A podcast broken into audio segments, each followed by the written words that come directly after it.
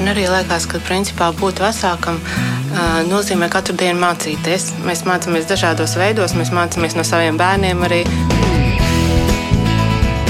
Mēs tiekamies ģimenes studijā.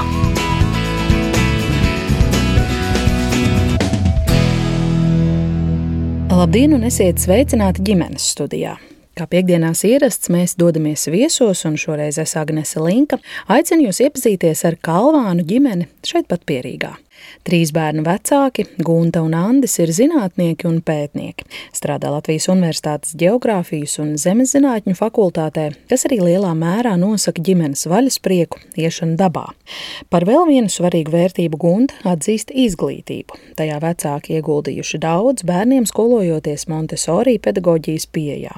Visus ikdienas pienākumus mamma un tētis spēja un cenšas dalīt vienlīdzīgi, viņu uzsver. Tā piemēram, nesen Gunte devusies četrus mēnešus studēt ASV, un Andis teica, ka sajūtas pat līdzcilvēku izbrīnu par šādu situāciju. Mēs neesam ļoti laba, bet tāda laba, normāla ģimene, pirms sarunas esot teikusi viņu vidējā meita Elīza. Nu, lai par sevi stāsta viņi paši.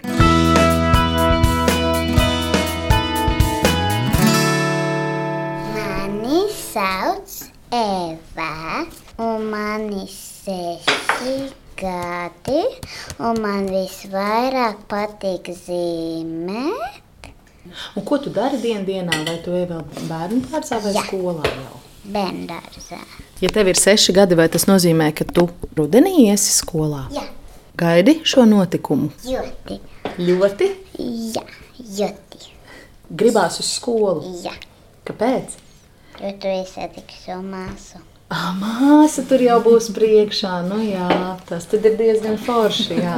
Vai tu arī kādreiz iztēlojies pie sevis, domā, kā tas būs tajā skolā? Iet? Es biju izmēģināt skolu. Tu biji izmēģināt skolu. Kā tas izmēģinājums notika? Ļoti forši. Nu, kas bija jādara? Mēs zīmējām spāri uz viena zīmējuma un visādus darbiņus darījām. Tad tev palika tāds patīkams iespējas, ja? Jā. Vai māsa un brāli arī tu esi izvaicājusi par to, kā skolā būs? Nē. Tev pašai viss ir skaidrs, laikam. Jā. Ja? Kurš tad nākamais turpinās? Jā, mamma. Esmu Gunta un strādāju Latvijas Universitātē, Geogrāfijas un Zemzinātņu fakultātē, kā vadošā pētniece un arī docente. Un jau gadu arī strādāju studiju attīstības plānošanas un pilnveids programmā. Vairāk mēs eh, plānojam un attīstam, kāda varētu būt studiju programmas universitātē, kādas varētu būt studentiem nākamās programmas un kā tas vispār universitātē nākotnē izskatīsies. Ko pēta vadošie pētnieki geogrāfos, ja tā var teikt?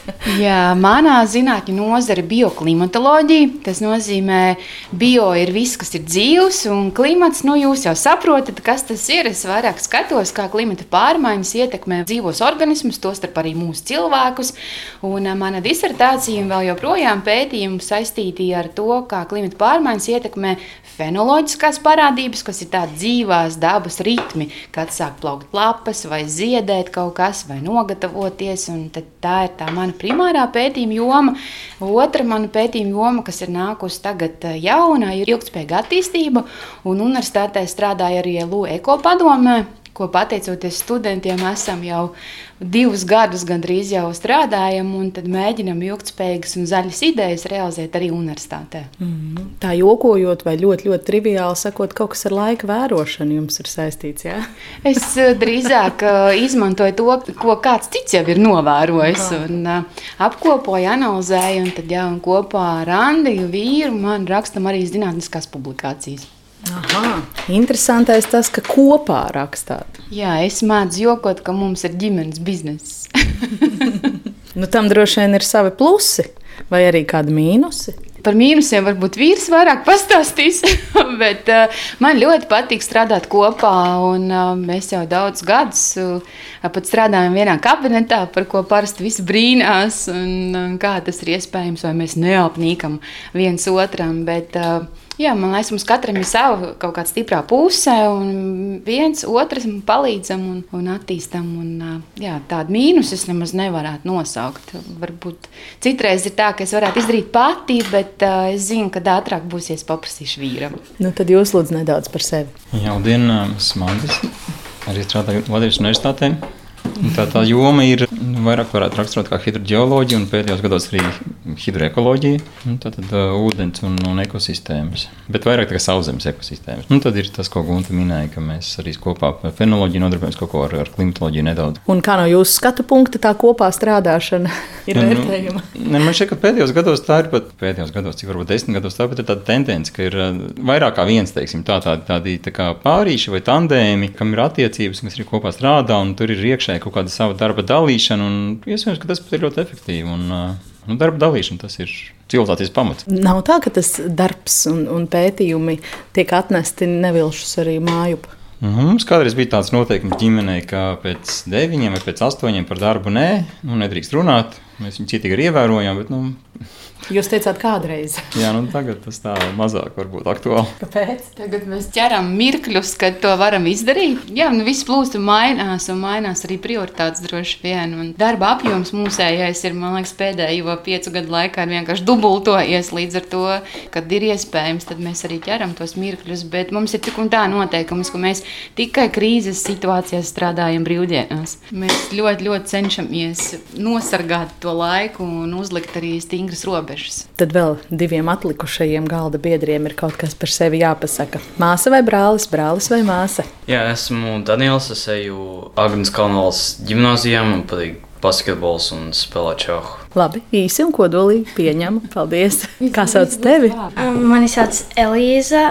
Es eju pārdagāvis Montesori sākuma skolā, un man patīk lasīt. Arī mammai un tētim varbūt ir kādi vaļasprieki, jo bērni jau iezīmēja to savu interesu loku, bet mēs ar jums pagaidām tik par darbu. Jā, nu, darbs arī ir droši vien arī mūsu hobijs, tā varētu teikt. Un, man liekas, mēs esam no tiem laimīgajiem, kam patīk darbs un uh, vispār mācīties. Un kā jau universitātē strādājot, mēs nemitīgi sev pilnveidojam, mācāmies. Man ļoti patīk, un uh, vīrs man jokot, ka kursiņi tas ir mans hobijs. Iet un mācīties kaut ko jaunu, un tas ir līdz ko es kaut ko ieraugu. Tā es uzreiz tur gribu klausīties un piedalīties. Bet uh, man līdzīgi tā kā Elīzai ļoti patīk lasīt un lasīt grāmatas. Tas ir mans veids, kā es restartējos un uh, iegrimstu pasaulē un, un aizmiegu. Kā Eva saka, jā, bet t- tad man pilnīgi visas smadzenes ir brīvas, un es ļoti relaksējos. Man ļoti patīk lasīt grāmatas. Un mēs šeit tad pat trijās bibliotekās mācām paņemt grāmatas. Tā 30 un 40 tas tāds minimālais skaits uz mums visiem. Tas nozīmē, ka tas lasīt prieks piemīt visiem, ne tikai mammai un māsai. Tev arī patīk? Jo es jau māku lasīt un rakstīt. Oho, tad jau tu esi skolā rīktīgi gatava. Kādas grāmatas tev patīk lasīt? Princešu un tādas, kuras ir krāsainas bildes un nav daudz ko lasīt. Un kāda veida literatūra tev labāk iet pie sirds? Man patīk fantāzija, un es parasti lasu oriģinālā valodā, ja es viņu zinu. Kādās oriģināla valodās tev izdodas? Lielākoties angļu valodā. Kādas pēdējā laika varbūt favorīta grāmatas? Klanu kaķi un Harijs Potters. Jā, Harijs Poters arī. Harijs Poters visas esi izlasījusi grāmatas. Par Jā. puķiem grāmatu. Jā, māsa zina, ka arī par puķiem patīk grāmatas. Harijs Poters ir diezgan biezas grāmatiņas, tādas nepajokam. Ilgi bija jānodarbojas. Mēnesis un puse. Pusotrā mēnesī ir visām tik galā. Tad tu esi ātrlasītāji. Laikam. Un kā tev? Basketbolam un šaham pa vidu ar tām grāmatām. Man patīk zinātniskā fantastika. Arī ir dažas grāmatas, kas manā māsā patīk. Man arī ļoti patīk, piemēram, Harijs Poters un Klanu kaķi. Arī, jā. un tad arī, protams, latviešu literatūru to es arī lasu. Ir kaut kas, ko vari uzteikt vai ieteikt no latviešiem tieši. Ne, nesen skolā bija jālasa uh, atraitnes dēls. Tas man likās diezgan interesants stāsts. Piemēram, mežonīgie pīrāgi man ļoti patika, es biju mazāks. Pie šī ir kaut kā īpaši tā piestrādāts, jo mūsdienās jau vecāki diezgan daudz, un arī skolotāji ir spiesti žēloties, ka bērni nelasa tomēr. Man liekas, ka bet es zinu, ka tas nestrādā visās ģimenēs. Bet man liekas, ja mamma un tēvs lasa un grāmatas ir visur, tad eh, nevilšas arī bērni. Varbūt bērni var atbildēt to jautājumu, bet eh, es sāku lasīt Jančakam, kad viņam bija trīs mēneši, visādas mazās grāmatiņas, un, eh, jā, un tas kaut kā tā ir aizgājis. Un arī jā, mums ir fantastiskas bibliotekas, un tā vide ir tāda. Citreiz mēs mēdzam jokot, ka mēs vienkārši esam ļoti garlaicīgi vecāki, un tāpēc bērni lasa, jo viņiem nekāds citas izklaides netiek piedāvāts.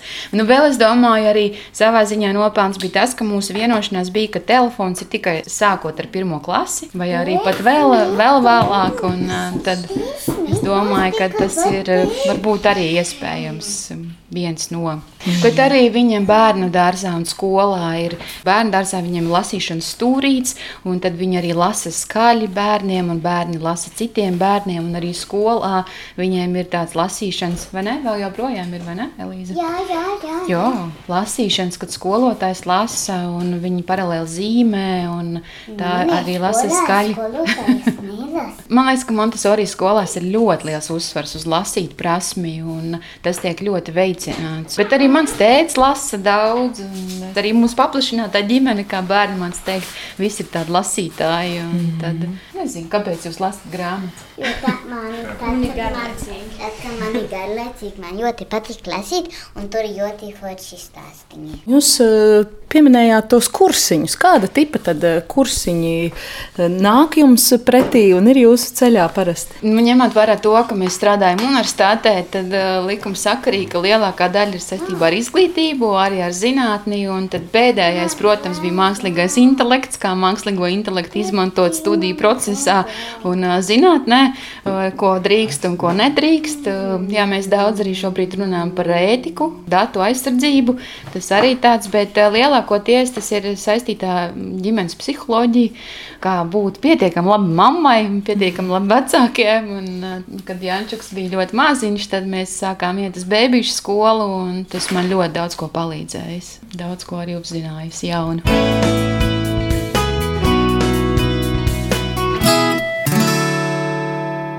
Vai es varu lūgt jums izstāstīt, kāds ir jūsu satikšanās stāsts, ģimenes tapšanas stāsts, vai tam ir saistība ar kopīgām studijām vai kaut ko tādu?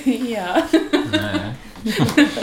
viens saka, jā, viens saka, nē. Nu, no studijām nē, nu, tas dienas romāns. Kad, Klājiet vaļā. Bija tālais, nezinu, 2000 kurais gads un Piektais. piektais, jā. Bija projekts mums universitātē, nu man, es viņu vadīju, es viņu biju uzrakstījis. Tad Gunte uzticēja vadīt līdzīgu projektu, nu, tās pašas programmas, un tad viņi nāca pie manis konsultēt. Jā, profesors Mārcis Kļāviņš jā, man izrādīja tādu godu, un es biju ļoti nobijusies, jo tā bija tāda pirmā pieredze. Tad uh, profesors teica, nu, aiziet pakonsultēties ar Kalvānu. Un tā mēs tur konsultējamies vēl joprojām. Un mums ir arī kopīgi draugi, kursa biedri, arī daudz geogrāfu pasākumu. Tā tas aizgāja, un tā ļoti labi aizgāja. Vai šai kopīgajai lietai ir arī šobrīd kaut kāda ietekme uz jūsu ģimeni, uz to, kā jūs pavadāt laiku? Piemēram, es zinu, ka geogrāfi, nu, viņi paši sevi sauc par geogrāfu mafiju, ja? Un, nu, tā ir īpaša tauta ar eh, īpašām interesēm. Es domāju, ka studijas geogrāfijas un zemesgrāņu fakultātē ir daudz ko noteikušas arī mūsu kā ģimenē. Vispār mūsu ģimenes draugi ir arī mani kursa biedri. Un es priecājos, ka draudzēs arī mūsu bērni un ģimenes. Un šogad mēs uzsākām tādu tradīciju. Mēs mēģināsim apiet apkārt Latvijas piekrastē. Un tad aprīļa beigās mēs sākām no ainažiem līdz salets grīvai, un tad jūlijā turpināsim. Bet jā, tāda pārgājiena kopā būšana dabā, jā, studijas to ir iedevušas. Un vispār geogrāfiem ir tāds, ka nav tā miera un gribās braukt un ceļot. Un mēs arī centāmies vismaz reizi gadā aizbraukt arī ārpus Latvijas, bet nu, šobrīd inflācija to ir drusku nobremzējusi. Bet arī jau esot pieciem, mēs arī centāmies braukt. Un reizi gadā mēs arī kursa biedri arī satiekamies un trīs, četras dienas padzīvojam kopā un jā, ar ugunskuriem un citreiz pat ar laivu braucieniem. Un es priecājos, ka mums ir arī tāda kompānija, kas ir tā traka un pavalkās uz aktivitātēm. Jā, bet tā iešana dabā, man liekas, ir tas, kas arī tāda mūsu ģimenes vērtība. Laikam var izvest cilvēku no geogrāfijas fakultātes, bet nevar to fakultāti izvest no cilvēka. Jā, kā tas teiciens? Mēs jau nekur neesam aizkļuvuši tālāk. Tā kā, nu. Par iecienītiem laika pavadīšanas veidiem. Bija viens periods, kad mēs ļoti daudz spēles spēlējām, nu, tās galda spēles. Tas bija tāds jauks, un Eva bija maziņa. Uh, nu, viņam bija kādiņš, piemēram, viņam gulēja uz, uz, uz, uz kājas, un mēs tur brīdi sēdējām un spēlējām tos, nu, kas nu bija vilcieni un uh, katana. Un, jā. Bet jūs sakāt, bija. Nu, tas bija, nu, tas ir tagad apsīts, tagad ir kaut kas cits jāmeklē. Nu. Mūsu hobiji arī mainās attiecībā pielāgoties bērnu vecumiem. Un bija periods, jā, kad patiešām tās galda spēles, bija periods, kad bija LEGO, bija periods, kad bija puzles. Tagad mēs esam, man liekas, tādā arī pārējais transformācijas posmā, jo mums ir viens gandrīz pirmklasnieks, tad mums ir viens mini-tīnis un viens kārtīgs tīnis. Un tad, attiecīgi, protams, intereses mainās, un mēs cenšamies mainīties un pielāgoties līdzi. Un arī respektēt to, ka nu, ar tām austiņām jāpasēž kādu brīdi. Bērni tā labprātīgi dodas eh, jums līdzi tajos pašos garajos pārgājienos, jo dažkārt ir tā, ka pusauģa vecumam pienākot, nu, nav vienmēr piekrišana vecāku piedāvājumiem. Droši vien bērniem ir jājautā, godīgi, mēdz būt dažādi. Ir brīži, kad jā, braucam, ir brīži, kad nē, es nekur negribu braukt. Man liekas, svarīgākais ir nu, saglabāt to mieru, kas man nevienmēr izdodas. Bet man tas ir svarīgi, man tā ir vērtība. Es uzskatu, ka pārgājieni nāk tikai par labu un pārvarēt to brīdi, kamēr visi pieci esam mašīnā. Un tad, kad mēs esam mežā, pļāvā, jūrā, nu, tad jau viss ir kolosāli un forši. Līdz turienei tikai jātiek. Jā? Līdz mašīnai ir jātiek. Droši vien tie pirmie daži kilometri jānobrauc. Un, un tad tad parasti jā. kaut kā normalizējas. Iet tā lieta. Diena ir veiksmīga. Jā. Ko jūs par šo teiksiet? Kā jums patīk tie garie pārgājieni? Ļoti labi. Tu vēl esi braša un vienmēr piekrīt vecāku. Idejām, ja? Jā, viņa ir mūsu glābējs citreiz. Tad es zinu, ka vismaz viens būs super priecīgs, un tad jau pārējie divi pavilksies līdzi. mm. Nu, jums arī jāatklāj, kā jūs skatāties uz tādām lietām, ko vecāki piedāvā. Kā jau man vecāki teica, vajag vienkārši uh, tikt pāri tiem pirmajiem dažiem soļiem. Tajā tikt līdz mašīnai, un to dzīvo nekāps ceļa vidū ārā un tas mājās. Tad beigās viss ir labi un lielākoties viss ir priecīgi. Man ļoti patika tas salīdzinājums, ka ģimene patiesībā ir tā tāda atslēdziņa, un vecāki ir tie, tie mūķētāji. Un tā atslēdziņa, kas strādāja vakar, mēdz nestrādāt šodien. Tu nemitīgi mēģini atrast risinājumus, kaut kādus kompromisus vai viņu, viņu situācijas, un tu visu laiku pielāgojies. Un, uh, pats svarīgākais ir to paturēt prātā, ka nebūs tā, ka tas, kas strādāja vakar, derēs arī šodien. Un tā ģimene ir arī plūstoša, viņa mainīga un visu laiku pārveidojas jāveidojas un um, jā, visu laiku jāpielāgojas. Laikam arī savs ego jāapslāpē. jā, bet tas īstenībā ir ļoti grūti. Tīpaši, ja abiem vecākiem ir piemēram pilna laika darbs, kā es saprotu, tas ir jūsu gadījumā. Jā. Bet uh, mēs laikam abi divi vienreiz noskatījāmies TED Talk, nu, kas man ļoti patīk. Un, uh, tur viens no runātājiem teica, pajautā sev, vai ģimene tas ir attaisnojums, vai patiešām ģimene ir tā, kas tev traucē, vai arī tu vienkārši negribi to darīt, vai arī tu baidies kaut ko darīt. Un ļoti bieži mēdz pateikt, oh, jā, man ir bērni, es nevaru to un to. Bet uh, vienmēr ir jāpajautā, vai tas ir īstais iemesls. Un otrs, man liekas, ir, uh, kāds partneris ir blakus. Un, uh, mūsu gadījumā, man liekas, man, man vismaz ir ļoti palaimējies. Un, ja man jābrauc uz konferencēm vai arī kādos komandējumos, es zinu, ka ģimene drošās rokās un vīrs par visiem parūpēsies. Dažreiz dažreiz pat labāk nekā es, un ir arī otrādi. Un man liekas, ka varbūt tas ir tas skaistais, ka mēs strādājam vienā profesijā, ka mēs zinām, kā tas ir un kāpēc mēs to darām. Vai jums ir tāds uh, līdzsvars un līdztiesība šajā ziņā, vai vienādi bieži abi brauc komandējumos? Es domāju, ka jā, kad ir, ir manuprāt, ir līdzsvars, jā, mēs cenšamies to, to uzturēt. Arī, nu, es nezinu, kā ar pirmo bērnu bija, varbūt drusku nebija tik labi, bet, bet ar Evu jau nu noteikti, ka mēs ļoti apzināti centāmies, lai tās, tās lodze ir sadalīta vienādi un abiem ir mājas darbs. Tas bija laikam tāds man noteikums pēc dēla piedzimšanas 50 uz 50. Nu, kā tas izpaužas?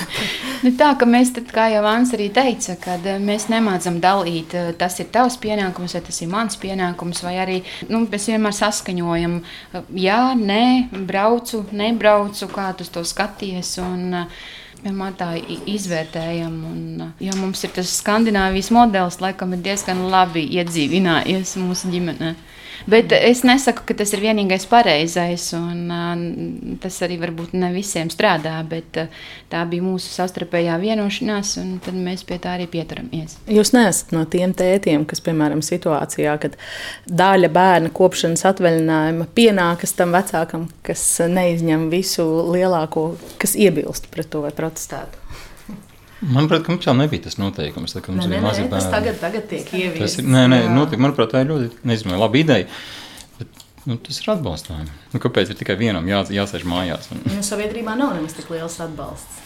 Tā ideja kā tādai. nu, es nezinu, tagad, kādas ir detaļas, nu, kādi ir no, nosacījumi, bet principā idejas, kā nu, tie ir jūsu bērni un jums par viņiem jārūpējas. Nu, kurš sieviete, kurš vīrietis? Es zinu, ka jūs nesen Gunte, bijāt kaut kur uz ilgāku laiku aizbraukusi. Vai jūs varat pastāstīt, kur un kāpēc, un kā gāja mainiekiem, jā, kamēr mamma bija ilgākā prombūtnē? Jā, es eh, četrus mēnešus studēju ASV Buffalo Universitātē. Biju pilntiesīgs students. Šī programma bija domāta universitātes pasniedzējiem, lai attīstītu savas digitālās prasmes un, eh, jā, un vispār stiprinātu sevi un mācītos. Un tas uzsvars vairāk bija uz digitalizāciju, uz digitālajām lietām, bet mums kopumā bija pieci studiju kursi, ko mēs mācījāmies gan par izglītību, gan par komunikāciju, kas saistās ar datorzinībām. Un, tie bija tādi četri ļoti iespaidīgi bagāti un arī ar, nu, jāsaka, šis vārds šausmīgu studiju slodzi, jo tā studējis es nebiju nekad dzīvē, arī disertāciju rakstot nekad. Un, tas bija ļoti liels intelektuāls izaicinājums, bet arī, protams, viennozīmīgi iegūms. Tur bija konkurss, un tad, kad es uzzināju, kad es esmu uzņemta, tad es zvanīju vīram un teicu, vīrs, tas ir tavs lēmums. Protams, es gribu braukt, bet es sapratīšu, ja tu teiksi nē. Un uh, vīrs man teica, tagad padomā, ja situācija būtu otrāda, man būtu iespēja braukt. Ko tu man atbildētu? Un ko tad jūs atbildējāt beig beigās? Ko es, protams, teicu, ka brauc, jo mans galvenais arguments ir, ka ja viņi tagad neaizbrauktu. Visu, visu atlikušo dzīvi, nu, vismaz vairākus gadus, tas būtu, varbūt to man neteikt, bet skaidrs, ka tas kaut kur sēdētu, ka bija iespēja, un es viņu neizmantoju. Vai es viņu noraku, un bija iespēja. Jūs bijāt prom kaut kad salīdzinoši nesen, jā? Rudenī, Ziemā? jā, no septembra līdz Ziemassvētkiem. Bet uh, man ļoti patika, kā dēls nokomentēja. Viņš man teica, es negribu, ka tu brauc, bet es zinu, cik daudz tas tev nozīmē. Un tad četrus mēnešus māma bija Zoom lodziņā vai video zvanos. Ja? Kā Pat tas īsti, bija? Man liekas, laika starpības dēļ pat īsti to nevarētu teikt, ka mēs bijām Zoom lodziņos. Tāpēc, tad, kad viņi cēlās, es gāju gulēt, un tad, kad viņi bija gatavi ar mani runāt, tad man bija intensīva lekcija laiks. Un, un savukārt brīvdienās patiesībā mēs arī mācījāmies un studējām. Un mums pat kontroldarbu un eksāmeni bija brīvdienās, sestdienās, svētdienās, kas varbūt Latvijas studentiem liekas neiespējama misija. Un, bet lieliski tika galā. Vienīgā, man liekas, krīzes situācija bija novembrī, kad Andris saslima. Un, uh, es atceros, kad es Boltā pasūtīju vakariņas. Esot ASV, un tieši tās digitālās iespējas, tas ir kaut kas unikāls. Un vēl pirms pieciem gadiem nekas tāds nebūtu iedomājams. Mm -hmm. Tas es pats smējos, nu, kad esot tur ar, ar sešu stundu laiku nobīdi, un tu spēji vienkārši telefonā pasūtīt un pabarot savu ģimeni. Kā tas bija, ka mammas nebija mājās tik ilgu laiku? Protams, tas bija pētīgi, ka mamma aizbrauc, bet es saprotu, ka tas ir ļoti vērtīgi viņai, ka viņa daudz ko iemācīsies. Kā jau teicu, teicu ja viņa nebūtu aizbraukusi, tad viņa nožēlot to iespēju. Tāpēc es nebiju īpaši ļoti bēdīgs. Es sapratu, ka mēs gandrīz jebkurā laikā varēsim viņai piezvanīt, tad, kad viņai uh, nebūs kaut kas jādara. Un arī tad, kad man vajadzēja krievu valodā mācīties, mēs sazvanījāmies, izdarījām visus mājas darbus. Viss bija tā kā nu, mierīgi. Bija daudz vieglāk nekā es biju domājis sākumā. Kā tu jūties? Mammai prom esot. Nu, protams, viss bija citādāk, bet nebija arī tik slikti, kā es domāju, ka būs, un es izdzīvoju. Kā jums te gāja, kamēr mamma bija Amerikā? Viss labi. Viss labi? Jā, ļoti labi. Kas bija tas, kas varbūt eh, sagādāja tādas eh, lielākās grūtības? Laikam ir ļoti nemoderns vārds, mēs esam pieraduši teikt, izaicinājumus. Mm, Evai bija dzimšanas diena. Tad, nu, mūsu ģimenē, ja, ja ir lietas, ko mēs nedalām pienākumus, tad šis pienākums noteikti tiek dalīts. To, to organizē tikai sieva. Tā bija vārds. Nē, tā bija dzimšanas diena, kas tev bija. Jā, un tad mēs ar Evas draudzenēm braucām uz Sodārzu un staigājām, tad viņas bija šeit. Un, À, jums vajadzēja būt arī ballītes kuratoram. Jā, jā, jā, jā, jā. jā. Tad bija tas moments, jā, kā Gunte minēja, kad, kad es saslimu. Tas bija diezgan nepatīkami. Tas bija smagi. Jā. Pārējais dien dienā. Nu, kaut kādā brīdī bija tāds diezgan drūms nu, noskaņojums brīžiem, jā, jo ir nu, jāuztur tas, tas ritms un režīms. Un... Tu varētu pieminēt, ko tu mēģināji teikt, tad, kad es aizbraucu kaut kur prom. Par to, ka tu gribi rakstīt blogu. Nē, nu, tas tā nedaudz ir tā, tā sabiedrības attieksme, tā, tā nedaudz dīvaina, kad, kad mēs ar draugiem runājām, ka Gunte teica, ka viņi brauks projām. Tad, uh, trīs bērnu māmiņa, kur dzīvo viena pati un audzina savus trīs bērnus, un kuriem viņi ir eh, drusku jaunāki nekā mūsējie. Saka, nu, ja tev kaut ko vajag, tad palīdzēsim, tad palīdzēšu. Ha, nu, ko, nu, viņš ir tādā pašā situācijā kā, kā es. Kuram tad īsti kuram būtu jāpalīdz? Jā, arī. nu, tās stiprās sievietes, ja, jā, kas jā. jūtas vēl palīdzēt spējīgas kādam. Jā, un man liekas, tas sab, ja vēl joprojām sabiedrībā ir, tas tiek uzskatīts par tādu normu, ja tu paliec, nu, piemēram, ja mans vīrs brauc komandējumā, tad, nu, protams, man ir forši draugi, un es zinu, ka es varu viņiem piezvanīt, bet uh, parasti jau, nu, tā kā neviens nepiesakās tā īpaši palīgā, liekas, ok, sieviete var. Ja? Un tad uh, Anna citreiz saka, ka es rakstīšu blogu, tāpēc, ka man apnicis, ka man visu laiku prasa. kā tu tiec galā? Kā tu tiec galā, kā tu palaidi, un, un es gan nelaistu savu sievu, un uh, tad mēs savā starpā mācām runāt, nu, kā laist vai nelaist. Nu, kā, tas taču tāds cieņpilns attiecības. Nu, jā, un ieradās ģimenes studija un turpina šos stereotipus kultivēt, veltot šim jautājumam tik daudz uzmanības, vai ne? Jā, bet man liekas, ir labi, ka mēs par to sākam runāt, un ir svarīgi to izgaismot, un varbūt bez nosodījuma, vai arī nu, mēs arī neesam nekādi supervaroņi. Mēs, situācija bija tāda, mēs to pieņēmām, nu, mēs to izrulējām šādā veidā. mēs tiekamies ģimenes studijā. Ģimenes studijā šodien tiekamies ar Kalvānu ģimeni no Mārupes, izskanot viņu izvēlētai mūzikai, atsākam sarunu. Jums ir īpašs arī stāsts par bērnu skolu izvēli. Es saprotu, ka visi trīs jūsu bērni ir izglītojušies Montesori pieejas mācību iestādē vai iestādēs, vai tādas ir bijušas vairākas. Vai jūs varat pastāstīt viens otru papildinot, kā tas lēmums sākotnēji ir ticis pieņemts, kāpēc šis virziens, ko jūs tur saskatāt? Jā, nu, tas stāsts bija tāds, ka vienā brīdī mēs dzīvojām centrā, lai būtu vieglāk un ātrāk aiziet uz darbu, lai nebūtu jātērē laiks sabiedriskajā transportā. Dzīvojam Albertielā pāri ceļam fakultātei. Mm. Vienā dienā es gāju gāju ar ratiņiem, un es ieraudzīju sludinājumu vecākiem par nodarbībām, Montesori pedagoģijā. Un es domāju, o, oh, interesanti, un tā kā man ļoti patīk mācīties, tad es uzreiz iegūlēju, kas tas ir. Un man ļoti uzrunāja tā pieeja, un es esmu arī vairāk gadu garumā, gan skolas, gan bērndārs līmenī, esmu apgūsi Montesori pedagoģiju. Es nesaku kvalifikāciju, bet uh, kursus.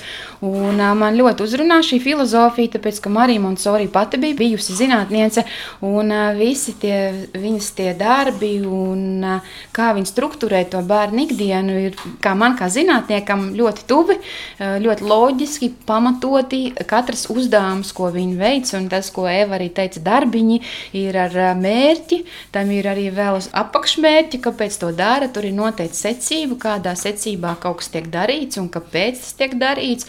Un, protams, tāda kārtības mīlestība un tas, ka arī bērniem nav šis ļoti strukturētais un ierobežotais laiks, piemēram, mūzika vai māksla, tas viss tiek integrēts, ja iepludināts vidē. Un, un visi šie materiāli ir ļoti gaumīgi un bērna vajadzībām viņi atbilstoši uztaisīt. Tā ir tēma, ko droši vien stundā varētu mm -hmm. runāt. Un, jā, man ļoti patīk šī filozofija. Man, man patīk, ka tur ir cieņa. Ka tur patiešām ir, ka nevis tā kā ir pieaugušais un bērns, bet ka tās ir harmoniskas un cieņpilnas attiecības. Bet uh, tas nenozīmē, ka pašvaldības bērndārzos vai kādos citos ir sliktāk vai labāk. Tā bija mūsu izvēle, un man liekas, jo vairāk es par to mācījos, un arī Anna pēc tam sāka lasīt grāmatas, un jā, mums abiem tā pieeja ļoti patika, un tāpēc mēs pieņēmām tādu lēmumu. Un tad mums bija skumji pagājušajā nedēļā, jo Evai bija izlaidums, un tad mūsu 13 gadus ilgais bērnu dārza sadarbība ar bērnu dārzu beidzās. Bet es zinu, ka mums vēl ir priekšā forši seši gadi eh, Montesori skolā. Nākamajā gadā Elīze beigs eh, man eh, jā, skolu. Man liekas, tās vērtības, kas tiek ieliktas Montesori vidē, es nenožēloju nevienu dienu. Mm -hmm. Un man liekas, ka ja bērns sešu gadu laikā varbūt nu, divas reizes ir pateicis, ka es negribu iet uz skolu, tas daudz ko nozīmē. Mm, visas pārējās reizes iet uz skolu gribās. Tēt komentārus par šo izvēli savulaik un tagad. No attīstības bērnu dārza skolotājs reizēm atsūta tā tādu panorāmas video, kas tur notiek tajā grupiņā. Un tad tu sēdi un skaties, un tas tur aiziet, jā, paņem to sēž, dara savu darbu, kaut ko raksta, kaut ko zīmē. Nu, tā, kā, tā darba atmosfēra ir uh, vienkārši apburoša, un tu domā, un kā viņas to uzbūr, nu, to koncentrēšanos, ka tie mazie nu, trīsgadnieki līdz sešgadnieki, nu, parasti viņi ir diezgan tādi, mēdz būt pa gaisu un tā. Un, Tur ir perfekti. Katrs nu, dara to savu darbiņu, pa diviem, pa vienam, kā kurš tur skolotāji pieniek pie viena, pie otra, var pa diviem. Jā. Jā, ir klusi, var divi tā. Un, protams, ka viņiem ir arī tas ārā laiks, viņi iet ārā neatkarīgi no laika apstākļiem. Tad, tur, protams, viņi daudzās skrien un met tos ritentiņus un uh, cepus milšu kūkas un normāli uzvedās kā normāli bērni. Nu, nav tā kā tur būtu tāds robotu kaut kāds. Mm robotu audzīte. Jā. Audzīte, jā. Nu, atkal jau sanāks stereotipiski tā teikt, bet parasti šīs lietas, visas izvēles un tur kaut kādas alternatīvo pedagoģiju pētniecības, un tā parasti ir māmu lieta. Un tu teici, nu jā, vīrs arī sāka interesēties, sāka lasīt. Nu jā, ir, ir taisnība, jā, tā ir. kaut kāds arī tad, e, no, no jūsu puses arī tam bija izvērtējums jau teorētiski ar to visu tur iepazīstoties. Jā. Pirmkārt, tajā brīdī, kad dēls sāk iet bērnu dārzā, mēs netikām uzreiz uz kurā tur Rīgas pašvaldībā, pilsētā, ja tur tavā tu, tuvākajā dārziņā, tur toreiz, es nezinu, kā tagad ir arī iespējams, ka tur joprojām ir nu, daudz nu, simti. Nu, jā, jā, līdz ar to, tad, pirmkārt, tajā brīdī izvēle privātais dārziņš bija pilnīgi normāli. Tad bija pamats redzēt, kā viņi tur strādā. Viņi tikko sāka, viņam bija pirmais, otrais mm. gads. Tad. Bet, nu, ir, ir taisnība, ka tā bija Guns izvēle pamatā, jā, un mm. man tā kā bija akcepts vai neakcepts. Mēs ļoti ilgi domājām, un tas bija ļoti izsvērts un pārdomāts lēmums. Un, uh, es nemācu rakstīt plusus un mīnusus, bet man liekas, tā bija viena no retajām reizēm, kad mēs to darījām un rakstījām. Un, un es esmu bezgalīgi pateicīga, kad mēs šo izvēli izdarījām. Mm -hmm. Man liekas, jā, tāda izglītība ir arī vēl viena nu, pārgājiena dabā, ir tāda ģimenes vērtība un izglītība. Mums, man liekas, abiem diviem ir ļoti svarīga izglītība. Un, nu, tas, protams, ir loģiski, iestrādājot universitātē, bet jā, tieši izglītība ir tā ģimenes vērtība. Tu esi absolvējis jau šo te, uh, sākuma skolu, Montesori skolu, un tagad esi, piedod, kurā klasē gimnājā? Ast, astotajā. Astotajā, jā. Tā tad uh, var teikt, ka divi gadi jau ir aiz uh, muguras skolā parastajā. Kāds ir tas uh, salīdzinājums, kā tas vispār ir no mazas privātas skolas pāriet mācīties uz uh, lielu gimnājiju? Es zinu, ka pārējiem, kas gāja manā klasē un pārgāja uz citām skolām, bija daudz grūtāk nekā man tas bija. Jo man liekas, ka tas ir daudz vieglāk nekā. Nu, jā, protams, mājas darbi un uh, stundas. Tas viss bija daudz savādāk, nu, daudz uh, atšķirīgāk no tā, kā mums iepriekš mācīja. Bet nu, es biju tam gatavs. Es sapratu, ka nu, labi, man būs stundu saraksts, man būs jāņem konkrētas grāmatas uh, līdzi uz skolu. Nu, es zināju, kas man būs jādara. Un savā ziņā tas ir, ir labāk, ir plusi savi, bet tad es saprotu, ka Tomēr tie iepriekšējie skolā man, manuprāt, bija daudz labāki, jo tu varēji mācīties, ko tu gribēji mācīties. Šeit tev ir dots saraksts. Bet tu tik un tā, abos gadījumos tu iemācītos visu, ko vajadzētu. Tikai vienā gadījumā tas būtu interesantāk. Tas tā ļoti interesanti skan, ka tu vari mācīties to, ko tu gribi mācīties. Es varbūt precizēšu nedaudz, lai nav pārpratumu. Tas nenozīmē, ka eh, es varu arī neko nedarīt. Ja? Bet eh, tas, ko Dēls teica, tas ir tiek respektēts mans temps, kādā es to daru. Un uh, mana sistēma vai mana secība, kādā es to daru. Protams, tur ir skolotāji, to sauc par prezentācijas, kad skolotājs stāsta un rāda jaunus materiālus, vai, piemēram, kā dalīt ar četrciparu skaitli, vai, piemēram, nu, visu, skolā, jā, visu jā. uzbūvi. Bet uh, arī skolā viņiem ir noteikti materiāli, ar kuriem viņi strādā. Jo Montesori izglītībā ļoti svarīgs šis sensorais, kad ar rokām daudz tiek darīts. Un nevis abstrakti galvā uzreiz, bet sākumā es to izdzīvoju ar materiālu, un tikai tad es abstrakti sāku domāt. Un tad tu vari izvēlēties, vai tu šodien pabeigsi, piemēram, matemātiku, vai tu tagad darīsi latviešu valodu, vai šobrīd tu zīmēsi karti geogrāfijā, vai arī tu varbūt vēlies prezentāciju veidot datorikā. Un, jā, varbūt nepastāv tik stingrs tas eh, saraksts, bet, protams, visās Montesori skolās tiek ievērots standarts. Es zinu, ka, piemēram, Nīderlandē viņiem ir eh, bērniem pašiem savs izprintēts tāds standarts, un viņi svītro ārā, ko viņi ir apguvuši paši. Viņi redz, ka ā, līdz gada beigām man vēl tur matemātikā kaut kas jāpasteidzās mm. apgūt, un viņi ļoti, kas man liekas, ir ļoti, ļoti svarīgi, ka viņi mācās plānot to savu laiku Dažādi iet, ir labāk un sliktāk, vai ne?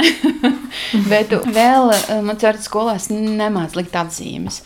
Tur ir uh, vērtējums, un, uh, un starp citu, tie vecāki, kas domā, kā es varēšu zināt, vai viņš zina vai nē, uh, bērni ļoti objektīvi sevi prot novērtēt, vai ne? Kādi ir jūsu vērojumi varbūt dēlam pārējot no vienas tādas izglītības pieejas uz to lielo sistēmu? Tēls ir bijis parasti komunikācija ceļš, ka bija mazāks. Tagad es to tik labi nezinu. Jau, vairs. ir, ir labi, ka viņš aizgāja uz gimnāziju, jo tā ir jauna klase. Tur viss sanāca jauni kopā, katrs no savas skolas, katrs ar savu mm. pagātni. Tā ir jauna klase, un tas ir līdz ar to ir daudz vieglāk. Nekā ienākt nekā ienākt gatavā kolektīvā. Jā, un tas ir tas galvenais pluss.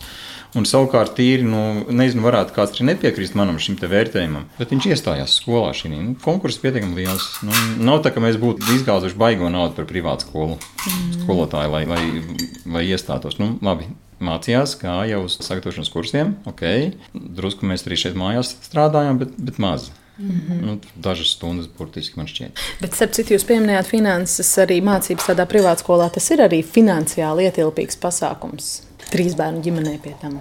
O, jā, ir. Bet, uh, jā, kā jau teicu, mēs vienojušies, esam, ka tā ir mūsu prioritāte. Uh, mēs redzam to pievienoto vērtību, mēs redzam to prieku. Un, uh, man liekas, mums arī ir tāds ļoti foršs draugu lokus izveidojies skolas vecāki. Un, liekas, mēs esam tādā, nu, mēs saucam par sociālajiem burbuļiem, un tie skolas vecāki ir mūsu draugi. Tā ir tā tāda kopiena. Bet, laikam, tāpēc, kad es esmu mācījies, man arī pedagoģija līdz ar to es zinu, par ko es maksāju. Ja? Un, un arī tie skolotāji vienmēr ir tik pretim nākoši. Bet atkal ir, es zinu, ka arī pašvaldības skolās ir super fantastisks skolotājs. Es strādāju ar skolotājiem, geogrāfijas skolotājiem, un es zinu, ka viņi ir fantastiski pedagogi.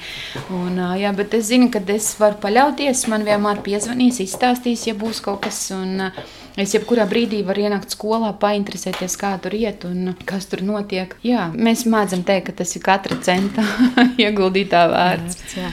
Kā tu raksturot savu skolu? Jūs droši vien esat neliela klase, vai ne? Mūsu telpās ir trīs klases kopā, un tur nav daudz cilvēku.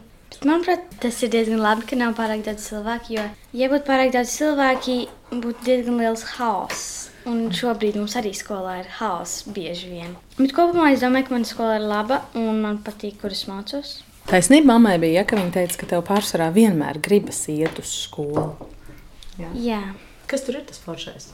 Tas, kas ir izdomāts, ar kuriem es sēžu, ar kuriem es strādāju kopā, un es arī izvēlēties, ko es daru un kad es to daru. Nu, tas, ko jūs pirms tam jau minējāt par to pašam sava laika plānošanu, tas jau laikam ir tas, uz ko mēs ejam kopumā. Šī pašvadītā mācīšanās mm. arī pilnveidotajā izglītības saturā ir ļoti svarīgs elements. Jā, noteikti. Un man liekas, ka tas ir uh, izcils piemērs, kur var to mācīties uh, mm. tieši Montesori skolās. Bet es zinu, ka arī tagad ar vien vairāk un biežāk ienāk arī pašvaldības skolās, pašvadītā mācīšanās. Un man personīgi kā vecākam ļoti, ļoti uh, patīk jaunā skola 2030. Es zinu, ka tas ir tāds sāpīgs temats daudziem, bet uh, es vairāk varu par geogrāfiju nokomentēt. Man liekas, ka šī jaunā pieeja dod lielāku brīvību skolotājiem un līdz ar to arī plānot to savu laiku un arī izvēlēties mācību metodas, ar kādām strādāt. Un, jā, es piekrītu par mācību materiāliem, varbūt tas jā, bet zinot, kādā ātrumā mani kolēģi ir strādājuši pie satura un uh, visu cieņu viņiem. Un, uh, protams, pārmaiņas ir nu, grūti mums pieņemt, bet uh, es domāju, ka pēc dažiem gadiem mēs redzēsim tikai iegūmus.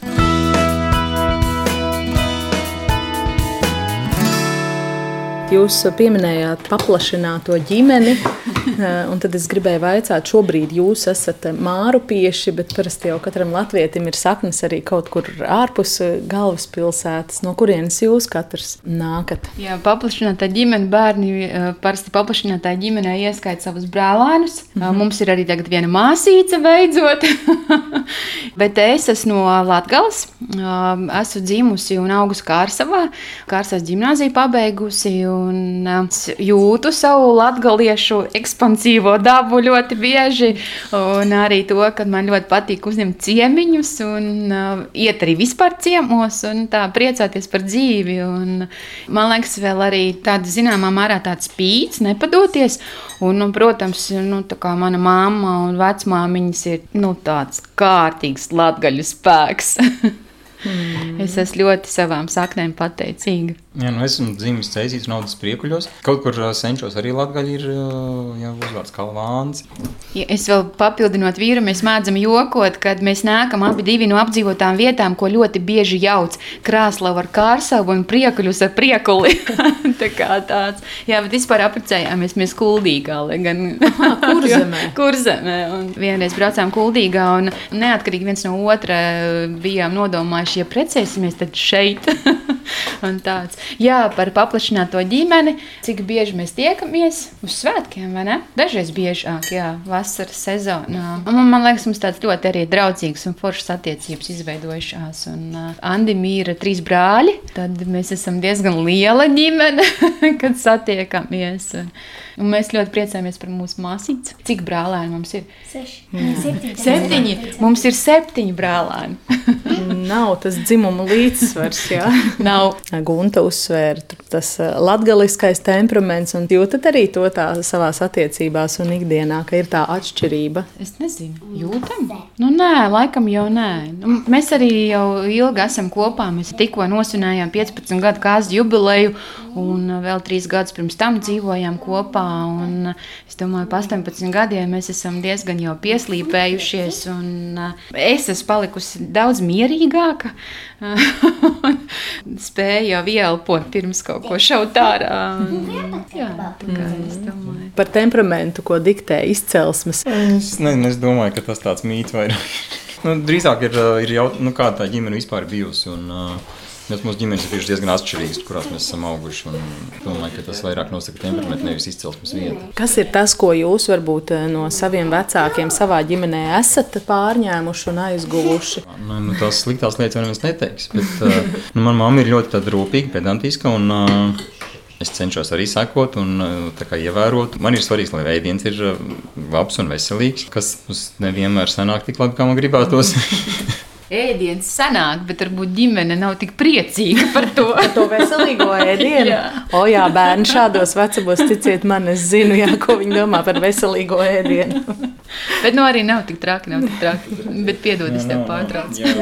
Nav no vecākiem mandātiem, bet tas mums labākais izgudrojums ir tas, ka tad, kad bērni vakarā mums ir tas laiks, kad viņi jau skatās filmu, Tad es viņam dodu vai burkānus, vai jābolus, vai kāpostus. Nu, labi, tie viņam ne visai, bet, bet tāpat dod. bet, nu, tas ir veids, kā es varu to dabūt, to savu, nezinu, ideoloģiju, droši vien tā to var pat savu. Un tad jau tagad jau es dzirdu, ka meitas prasa, sagriezīs mums kaut ko, un es, o, jā, protams. tas īstenībā ir mantotā lieta, jo tas bija arī manā ģimenē. Reāli mēs dzīvojam savā istabā, kaut ko darījām. Tu mamma ne, neuzkrītoši atnesa šķīvīti. Un, un tur bija tā kā sadalīts vēl katram, cik tur tie burkāni vai kas nu tur kuru reizi bija. Un mēs ņēmām grauzām. nu, tas ir tas, ko es mēģinu arī. Ne, es pat teiktu, ka tas ir izdevies ieviest šeit. Jā. Jā.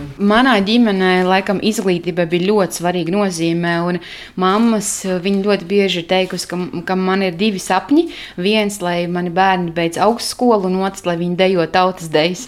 Un abas divas mēs ar brāli arī izdarījām. Un, jā, un arī tēvs vienmēr arī skolas laikā ir uzsvērs tieši, kad ir jāmācās un tieši izglītības nozīme. Jā, tas, man liekas, ir arī aizgājis līdz ar to arī man. Jums ir arī šādi sapņi par saviem bērniem?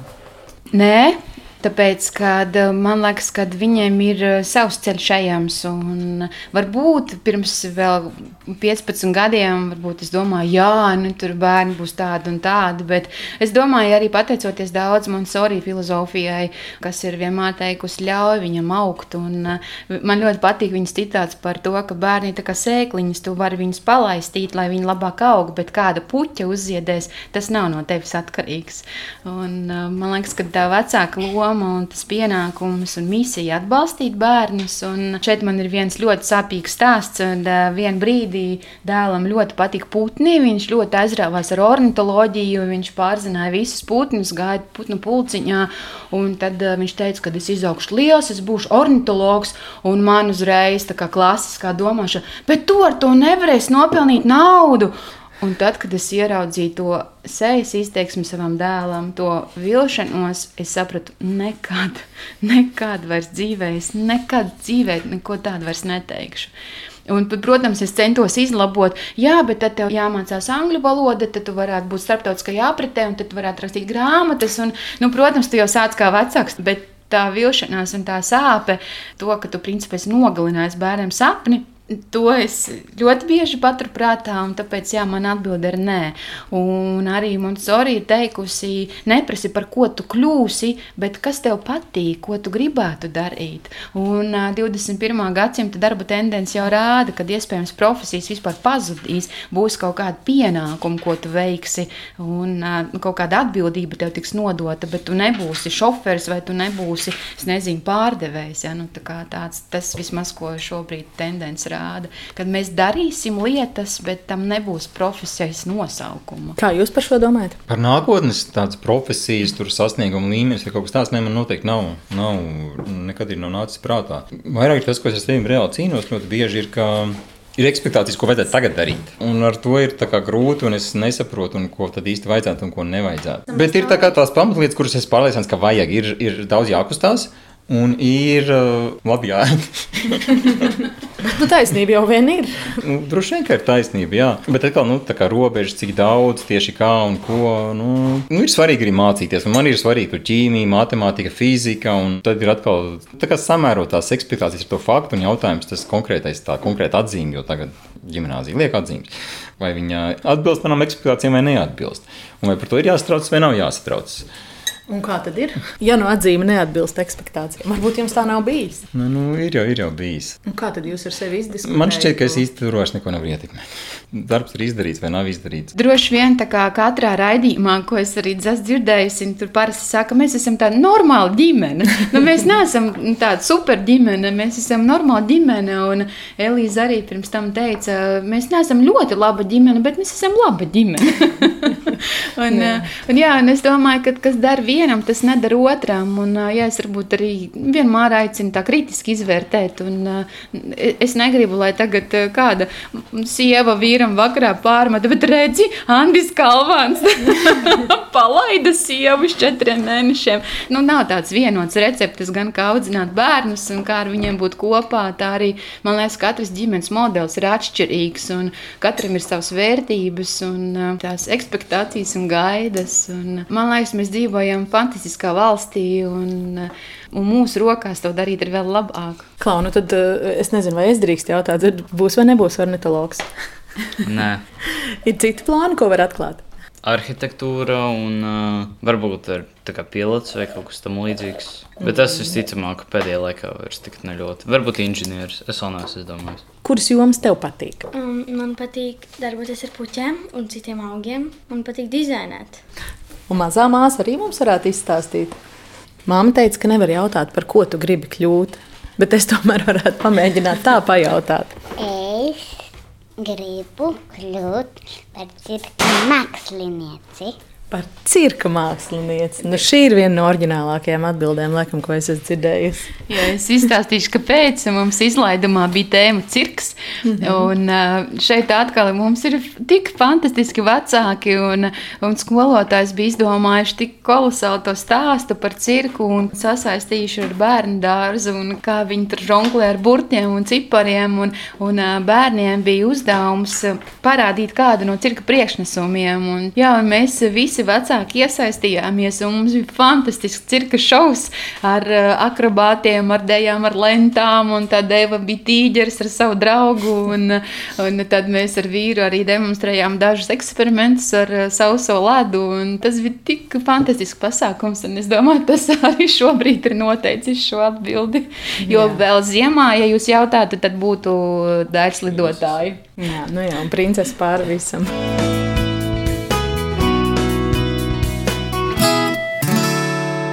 Ģimenes studijā šodien iepazinām Kalvānu ģimeni ar māmu Guntu, tēti Andi, kā arī Danielu, Elīzu un Evu sarunājos es Agnese Linka. Par raidījumu tapšanu gādāja arī Sarmīta Kolāta un Nora Mitspapa. Paldies, ja to klausījāties un uz sadzirdēšanos gan Latvijas Radio 1, gan mūsu mobilajā aplikācijā, gan podkāstu vietnēs.